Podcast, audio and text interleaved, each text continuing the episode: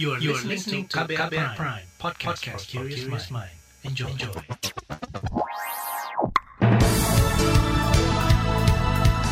Selamat pagi saudara, senang sekali kami bisa menjumpai Anda kembali dalam program Buletin Pagi edisi Rabu 30 Desember 2020 bersama saya Agus Lukman.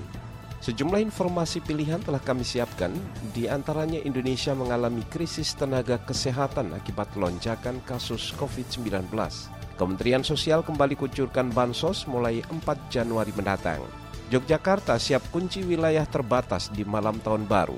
Inilah buletin pagi selengkapnya. Terbaru di buletin pagi. Indonesia mengalami krisis tenaga kesehatan akibat lonjakan kasus positif COVID-19. Saat ini kasus positif terpapar virus corona mencapai 720 ribu orang, di mana yang masih dirawat mencapai 108 ribu orang. Di Jakarta saja pemerintah daerah kekurangan lebih dari 2.000 tenaga kesehatan. Sementara daerah lain juga meminta bantuan tambahan tenaga kesehatan ke pemerintah pusat. Satuan Tugas Penanganan COVID-19 mencatat penambahan kasus tajam terjadi dalam dua bulan terakhir. Kenaikan kasus mencapai lebih dari 100 persen. Dalam sehari kemarin terjadi penambahan kasus positif baru lebih dari 7.000 kasus. Kementerian Kesehatan mengklaim telah mengantisipasi krisis keterbatasan ruang perawatan maupun kekurangan tenaga kesehatan dalam menangani COVID-19, terutama menghadapi ancaman lonjakan kasus baru pasca libur akhir tahun. Menteri Kesehatan Budi Gunadi Sadikin mengatakan pemerintah saat ini bekerja sama dengan daerah mempersiapkan ketersediaan layanan kesehatan dan tenaga kesehatan. Kita ingin memastikan dua hal. Yang pertama, Kementerian Kesehatan bekerja sama dengan pemerintah daerah, saya sudah berbicara dengan beberapa gubernur, ingin memastikan bahwa rumah sakit kita siap. Ruang isolasinya cukup, ranjangnya cukup, ICU-nya cukup, dokternya juga cukup, perawatnya ada, obatnya siap, alat pelindung dirinya siap, dan lain sebagainya. Dan sekarang sedang kita persiapkan dari sekarang. Menteri Kesehatan Budi Gunadi Sadikin memperkirakan lonjakan kasus positif COVID-19 akan terjadi sekitar dua pekan setelah libur berakhir. Ini berkaca dari lonjakan kasus pada saat libur panjang sebelumnya. Ikatan Dokter Indonesia IDI menyebut lonjakan kasus positif COVID-19 belakangan ini menyebabkan tenaga kesehatan mengalami kelebihan beban kerja – lebih dari 500 orang tim medis meninggal selama pandemi COVID-19. Organisasi tenaga medis turut mendesak pemerintah agar segera mengatasi masalah keterbatasan tenaga kesehatan akibat lonjakan pasien COVID-19. Ketua Umum Persatuan Perawat Nasional Indonesia PPNI Harif Fadilah mengatakan peningkatan jumlah pasien COVID-19 yang semakin tidak terkendali sangat tidak imbang dengan jumlah tenaga kesehatan yang harus bekerja. Nah kalau semakin nambah ya berarti kan semakin nambah ruang perawatan dan menambah ruang ICU gitu. Hmm. Nah ini uh, tentu persoalan tenaga menjadi problem. Karena sampai hari ini kan kita itu Indonesia ini kan terkota-kota ya. Pusat ada rumah sakit milik pemerintah pusat ada pemilik pemerintah daerah. Antar satu daerah dengan daerah lain saat walaupun satu provinsi belum tentu bisa dimobilisasi tenaganya itu. Ketua Umum Persatuan Perawat Nasional Indonesia PPNI Harif Fadila menambahkan kekurangan jumlah tenaga kesehatan khususnya perawat tidak bisa dipenuhi sembarangan Para relawan harus memenuhi standarisasi kesehatan, apalagi bila bertugas di ruang perawatan intensif atau ICU. Pelatihan perawat berstandar ICU membutuhkan waktu hingga setengah tahun, sehingga ketersediaan mereka saat ini sangat tidak mencukupi. Saudara, untuk mengantisipasi kekurangan jumlah tenaga kesehatan akibat lonjakan kasus COVID-19 pasca libur Natal dan Tahun Baru, Perhimpunan Rumah Sakit Seluruh Indonesia Persi berinisiatif mengumpulkan tenaga kesehatan secara mandiri. Sekjen Persi Lia Gardenia Partakusuma mengatakan nama-nama yang terkumpul selanjutnya akan dilaporkan ke Kementerian Kesehatan. Kebutuhan yang mendesak, maka eh, rumah sakit-rumah sakit diizinkan untuk mencari tenaga. Kemudian nanti kita akan melaporkan ke Kementerian Kesehatan bahwa kami ada penambahan tenaga dan nanti akan diterbitkan surat SK dari Kementerian Kesehatan kalau memang semua persyaratannya terpenuhi. Jadi kita juga memang sudah mendapat bantuan lah karena nggak mungkin mereka menyeleksi sendiri ya berapa banyak rumah sakit yang ada di Indonesia kan ada sekitar 940 rumah sakit rujukan. Jadi itu yang sekarang ini diizinkan bahwa tiap-tiap rumah sakit itu boleh mencari tenaganya dan kemudian melaporkannya ke Kementerian Kesehatan. Sekjen Perhimpunan Rumah Sakit Seluruh Indonesia Persilia Gardenia Partakusuma mengingatkan jumlah tenaga kesehatan yang diprioritaskan untuk dipenuhi adalah perawat. Para perawat harus selalu berjaga di rumah sakit secara bergantian selama 24 jam. Upaya penambahan ini terkendala pemenuhan jaminan kompetensi perawat. Di lain pihak, Saudara Ikatan Ahli Kesehatan Masyarakat Indonesia IAKMI mendesak pemerintah untuk menciptakan kebijakan yang bisa mencegah lonjakan kasus COVID-19. Hal ini untuk mengurangi beban rumah sakit dan tenaga kesehatan. Ketua Satgas COVID-19 dari IAKMI, Budi Haryanto menjelaskan, bila okupansi atau tingkat keterisian rumah sakit melebihi 50 persen dari standar WHO, maka fasilitas kesehatan akan kolaps karena kekurangan tenaga kesehatan. Justru ini yang kemudian harus segera dipenuhi dengan uh, mengundang, biasanya kan banyak juga volunteer-volunteer ya, uh, volunteer-volunteer dokter, volunteer perawat dan sebagainya itu masih banyak sebenarnya di sana. Jadi mau tidak mau uh, pemerintah harus membuat uh, undangan-undangan untuk mereka-mereka yang mau menjadi volunteer ataupun di hire. Ketua Satgas COVID-19 dari IAKMI, Budi Haryanto menilai masalah kekurangan tenaga kesehatan tidak akan teratasi bila terus terjadi penambahan kasus COVID-19. Apalagi upaya pemerintah menurunkan jumlah penularan virus corona dianggap belum optimal. Diperparah lagi dengan rendahnya kesadaran masyarakat dalam mematuhi protokol kesehatan. Kementerian Sosial akan kembali menyalurkan bantuan sosial ke masyarakat atau bansos mulai 4 Januari mendatang. Informasi selengkapnya kami hadirkan sesaat lagi tetaplah di Buletin Pagi KBR. You're listening to KBR Pride, podcast for curious mind. Enjoy!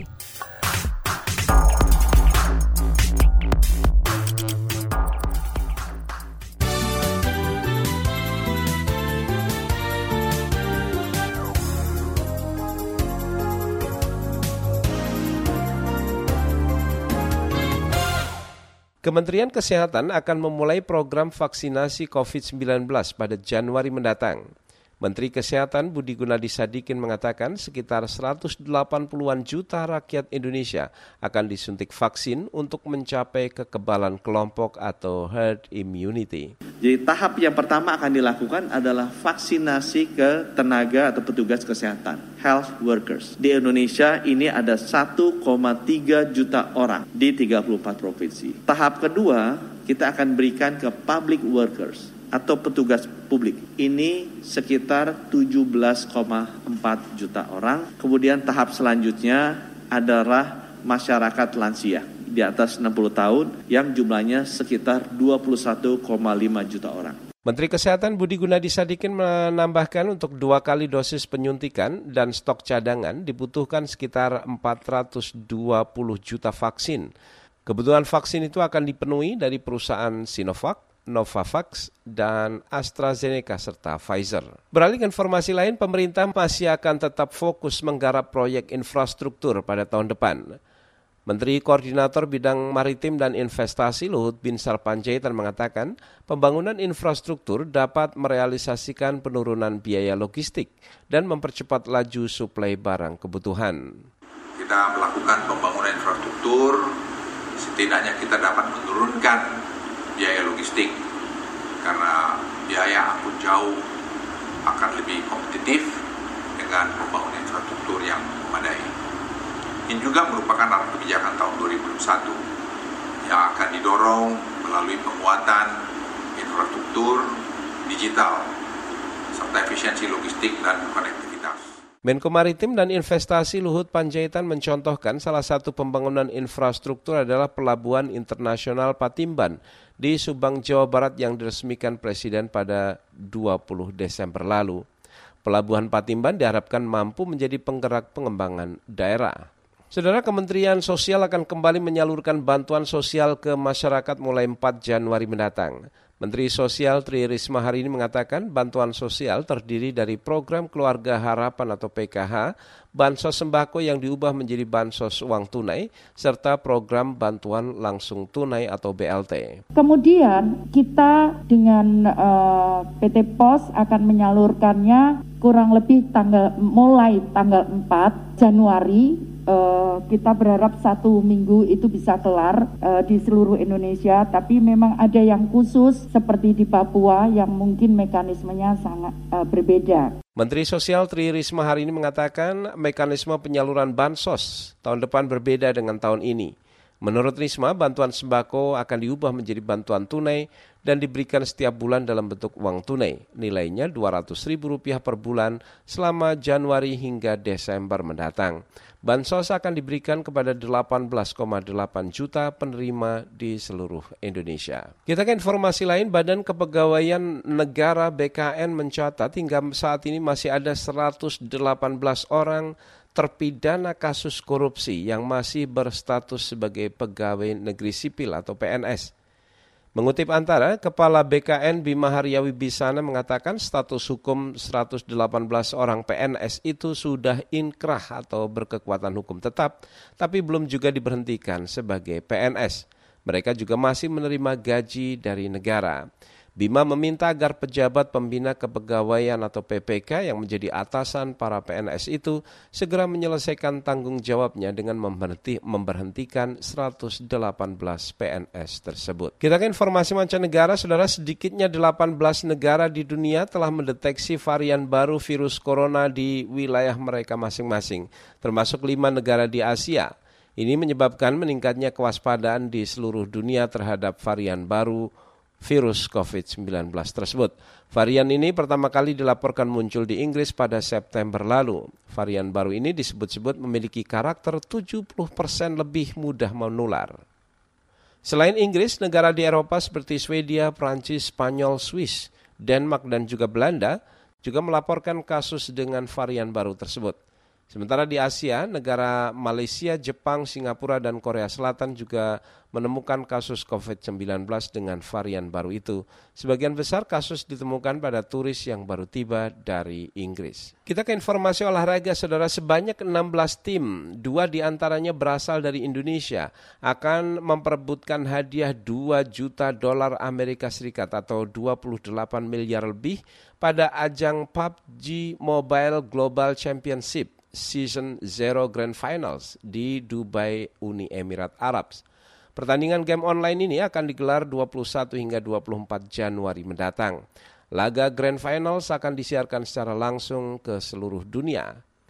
Adapun wakil Indonesia adalah tim Big Tron Red Aliens dan Airwolf Limex. Ajang kejuaraan game online PUBG ini mendapat dukungan dari Departemen Pariwisata dan Pemasaran Dubai serta Dewan Olahraga Dubai. Laporan khas KBR mengenai kisah polisi gay melawan pemecatan diskriminatif akan menjadi sajian kami berikutnya. Tetaplah di Buletin Pagi KBR. You're listening to KBR Pride, podcast for curious mind. Enjoy!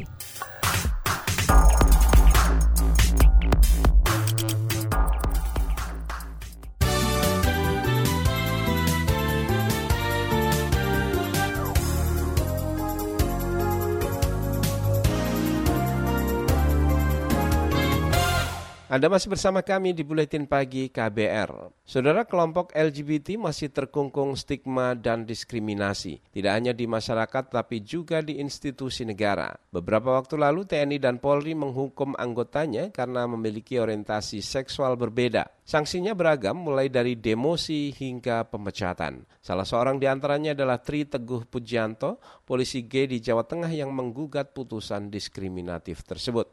Berikut laporan yang disusun jurnalis KBR Astri Yuwanasari. Pada dasarnya saya ingin ada keterbukaan di pengadilan Mbak. Jadi ini buat pembelajaran, jangan sampai ada lagi korban Tekad Tri Teguh Pujianto sudah bulat untuk mencari keadilan lewat jalur hukum. Teguh tak terima dikeluarkan dari kepolisian hanya karena ia penyuka sesama jenis atau gay. Ia menggugat putusan pemecatan dari Polda Jawa Tengah ke Pengadilan Tata Usaha Negara PTUN Semarang. Saya berjuang selama 10 tahun. Terus saya dikeluarkan hanya karena orientasi seks saya. Kalau di aturan internal di Polri, setahu saya sih mereka nggak mengatur sejauh itu sehingga tentang orientasi mereka nggak menjabarkan itu. Sepengetahuan saya ya, ini hal yang privasi yang nggak bisa dicampuri atau artinya gini, saya kan di Polri, harusnya mereka menilai kinerja saya dong, bukan privasi saya yang di obok-obok mereka. Kejadiannya berawal 2017 silam, pada malam Valentine. Teguh yang saat itu bersama pasangannya tiba-tiba didatangi sekelompok polisi berpakaian preman. Ia lantas dibawa ke Polres Kudus tanpa alasan jelas maupun surat tugas. Sampai di Polres Kudus, di sana langsung dites urin, apakah saya memakai narkoba atau tidak. Terus saya diinterogasi sama pihak Pamina sana. Kemudian dua HP yang saya pegang itu disita mereka. Mm-hmm. Mereka tahu saya G ini karena HP saya disita mereka. Itulah kejadian mulanya. Teguh dipaksa menjalani rehabilitasi sosial selama dua bulan. Terus di kemudian hari saya diminta mereka untuk tes psikologi, terus saya diharuskan ikut rehabilitasi. Itu kisaran dua bulanan. Cuma dijadwalkan tiap minggu dua kali seperti itu, Mbak. Enam bulan kemudian, ia direkomendasikan dipecat dengan tidak hormat pada sidang kode etik. Orientasi seksualnya dianggap menyimpang dan mencoreng citra Polri. Teguh langsung mengajukan banding tetapi ditolak Polda. Surat pemecatan pun keluar pada akhir 2018. Munculnya seket itu nggak ada administrasi yang memberitahukan secara tertulis kalau saya dipecat. Nah, saya tahunya itu malah dari temen rating saya yang satu angkatan. Karena waktu itu skep saya dibacakan di saat upacara pemecatan itu, itu digabung dengan kenaikan pangkat Hmm. Jadi saya kaget karena kok tiba-tiba saya dipecat, dikeluarkan seperti ini kan saya kaget. Pria 31 tahun ini menolak pasrah dan melanjutkan perlawanan. Akhirnya setelah melewati proses berliku, pada Agustus 2020 pengadilan mulai memproses permohonannya.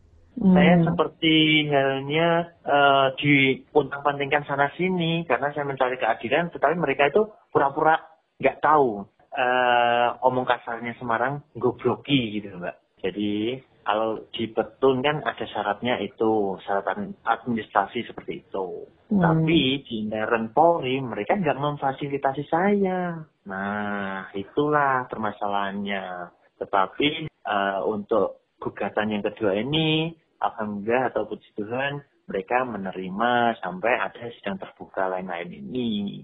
Menurut kuasa hukum Teguh Aisyah Humaida, pemecatan atas dasar orientasi seksual inkonsisten dengan aturan internal Polri tentang prinsip dan standar HAM dalam penyelenggaraan tugas kepolisian kepolisian kan punya peraturan di Perkap nomor 8 2009. Bagaimana dia bekerja itu kan harus berpatokan pada HAM yang mana tidak mempengaruhi orientasi seksual, suku etnis itu mendapatkan perlakuan yang setara gitu. Tapi ketika kepolisian punya aturan itu, kenapa kepolisian dalam internalnya mereka itu tidak bisa seperti itu? Teguh bersyukur perjuangannya didukung keluarga dan kawan-kawannya. Meski awalnya mereka sempat kaget saat Teguh membuka identitas seksualnya. Untuk awalnya sih mereka shock ya kalau saya gay tetapi mungkin tiga hari atau empat hari mereka sudah menguatkan saya, mendukung saya. Artinya, ayo semangat berjuang, jangan hmm. mau dilecehkan sama mereka. Seperti itu sih. Hmm. Pokoknya keluarga itu luar biasa, Mbak. Di sisi lain, menjadi polisi adalah cita-citanya sejak remaja. Ia berharap bisa kembali menjadi bagian dari Korps Bayangkara. Saya masih sangat berharap ya, karena ini merupakan cita-cita saya sejak dari SMA. Kelas 2 itu udah saya olahraga saya tekuni, pola makan saya atur demi cita-cita saya ini.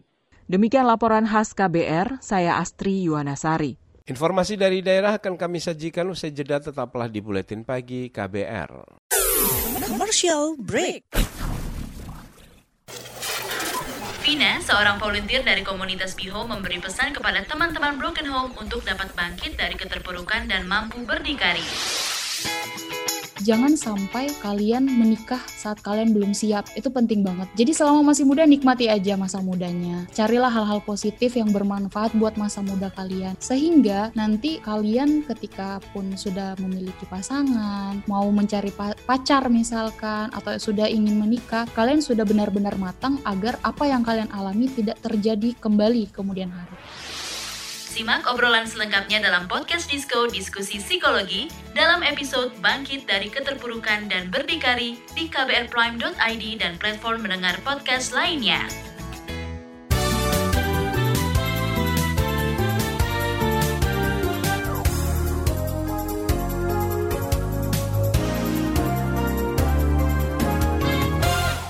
Inilah bagian akhir buletin pagi KBR. Kita ke Yogyakarta. Pemerintah Provinsi Yogyakarta mendukung rencana otoritas kota Yogyakarta yang akan memperlakukan penguncian wilayah secara terbatas guna mencegah kerumunan di malam tahun baru. Sekretaris Daerah Provinsi Yogyakarta, Kadar Manta Baskara mengatakan, penguncian wilayah secara terbatas ini didasarkan pada pengalaman munculnya kerumunan yang terjadi saat libur Natal lalu. Kalau memang berdasarkan pengalaman kemarin, evaluasi di kota seperti itu, saya kira teman-teman di kota kan juga punya kewenangan untuk melakukan itu. Saya kira nggak ada masalah kalau memang pertimbangannya adalah pertimbangan pengalaman yang kemarin, saya kira kalau kota akan menerapkan itu, pemerintah provinsi saya kira tidak tidak tidak berbeda. Jadi kita akan dukung. Sekretaris Daerah Provinsi Yogyakarta, Kadar Manta Baskara menambahkan, ada beberapa tempat yang kemungkinan ditutup karena berpotensi terjadi kerumunan di malam pergantian tahun baru. Di antaranya sekitar Tugu Palputih, Malioboro, dan titik 0 kilometer. Sementara 80-an objek wisata di Jawa Tengah juga dilaporkan akan ditutup total selama libur Natal dan Tahun Baru. Puluhan objek wisata itu tersebar di Jepara, Pati, Demak, Purworejo, dan Rembang. Kita ke Kalimantan Timur, rencana pembangunan jalan tepi laut atau coastal road di kota Balikpapan kembali tertunda. Wali Kota Balikpapan Rizal Effendi mengatakan penundaan terjadi karena investor kembali mengevaluasi proyek pembangunan yang menelan anggaran triliunan rupiah tersebut. Namun ia menegaskan proyek itu akan tetap berjalan meskipun tidak bisa dipastikan kapan pelaksanaannya. Tentang uh, Costa Road, saudara sebenarnya sudah semangat sekali investor ini kemarin ketika IKN itu diputuskan. Mereka sangat ingin cepat melaksanakan akan tetapi karena COVID maka semua investor mengevaluasi ulang begitu ya menunda karena memang orang tidak gampang untuk investasi baru ini karena situasi yang sangat berat COVID itulah menyebabkan uh, situasinya berubah kembali. Wali Kota Balikpapan Rizal Effendi mengklaim sudah ada sejumlah investor yang siap menginvestasikan dananya untuk proyek jalan tepi laut sepanjang 7,5 km tersebut. Jalan itu nantinya membentang dari Pelabuhan Semayang hingga Bandar Udara Sepinggan. Pembangunan Coastal Road ini sebenarnya sudah digaungkan sejak 8 tahun lalu, namun berulang kali tertunda karena kesulitan mencari investor. Kembali ke ibu kota, Majelis Hakim Pengadilan Negeri Jakarta Selatan memerintahkan Polda Metro Jaya untuk melanjutkan kembali penyelidikan dugaan kasus percakapan dan foto asusila yang melibatkan pimpinan Ormas FPI Rizik Sihab. Kuasa hukum penggugat Febrianto Dunggio kemarin mengatakan Pengadilan Negeri Jakarta Selatan sudah menjatuhkan putusan akhir untuk mencabut penghentian penyidikan atau SP3 kasus tersebut. Kasus dugaan percakapan pornografi itu sempat dihentikan penyidik Polda Metro Jaya dengan alasan kurang alat bukti. Isi putusannya yang pertama itu e, memerintahkan kepada termohon agar melanjutkan e, proses e, penyidikan ataupun proses hukum dari yang pertama saudara Firja Hussein, yang kedua saudara HRS. Sementara itu, juru bicara Polda Metro Jaya Yusri Yunus mengatakan kepolisian masih menunggu petikan hasil putusan dari pengadilan. Sebelumnya polisi telah menetapkan pimpinan Ormas FPI Rizik Sihab sebagai tersangka dugaan penyebaran percakapan dan foto asusila pada 2017 lalu. Rizik dijerat dengan undang-undang pornografi dengan ancaman hukuman di atas lima tahun penjara. Informasi tadi menutup jumpa kita di Buletin Pagi hari ini. Pantau juga informasi terbaru melalui kabar baru, situs kbr.id, Twitter kami di akun @beritaKBR, serta podcast di alamat kbrprime.id. Tetaplah mematuhi protokol kesehatan pencegahan COVID-19. Akhirnya saya Agus Lukman bersama tim yang bertugas kami undur diri. Salam.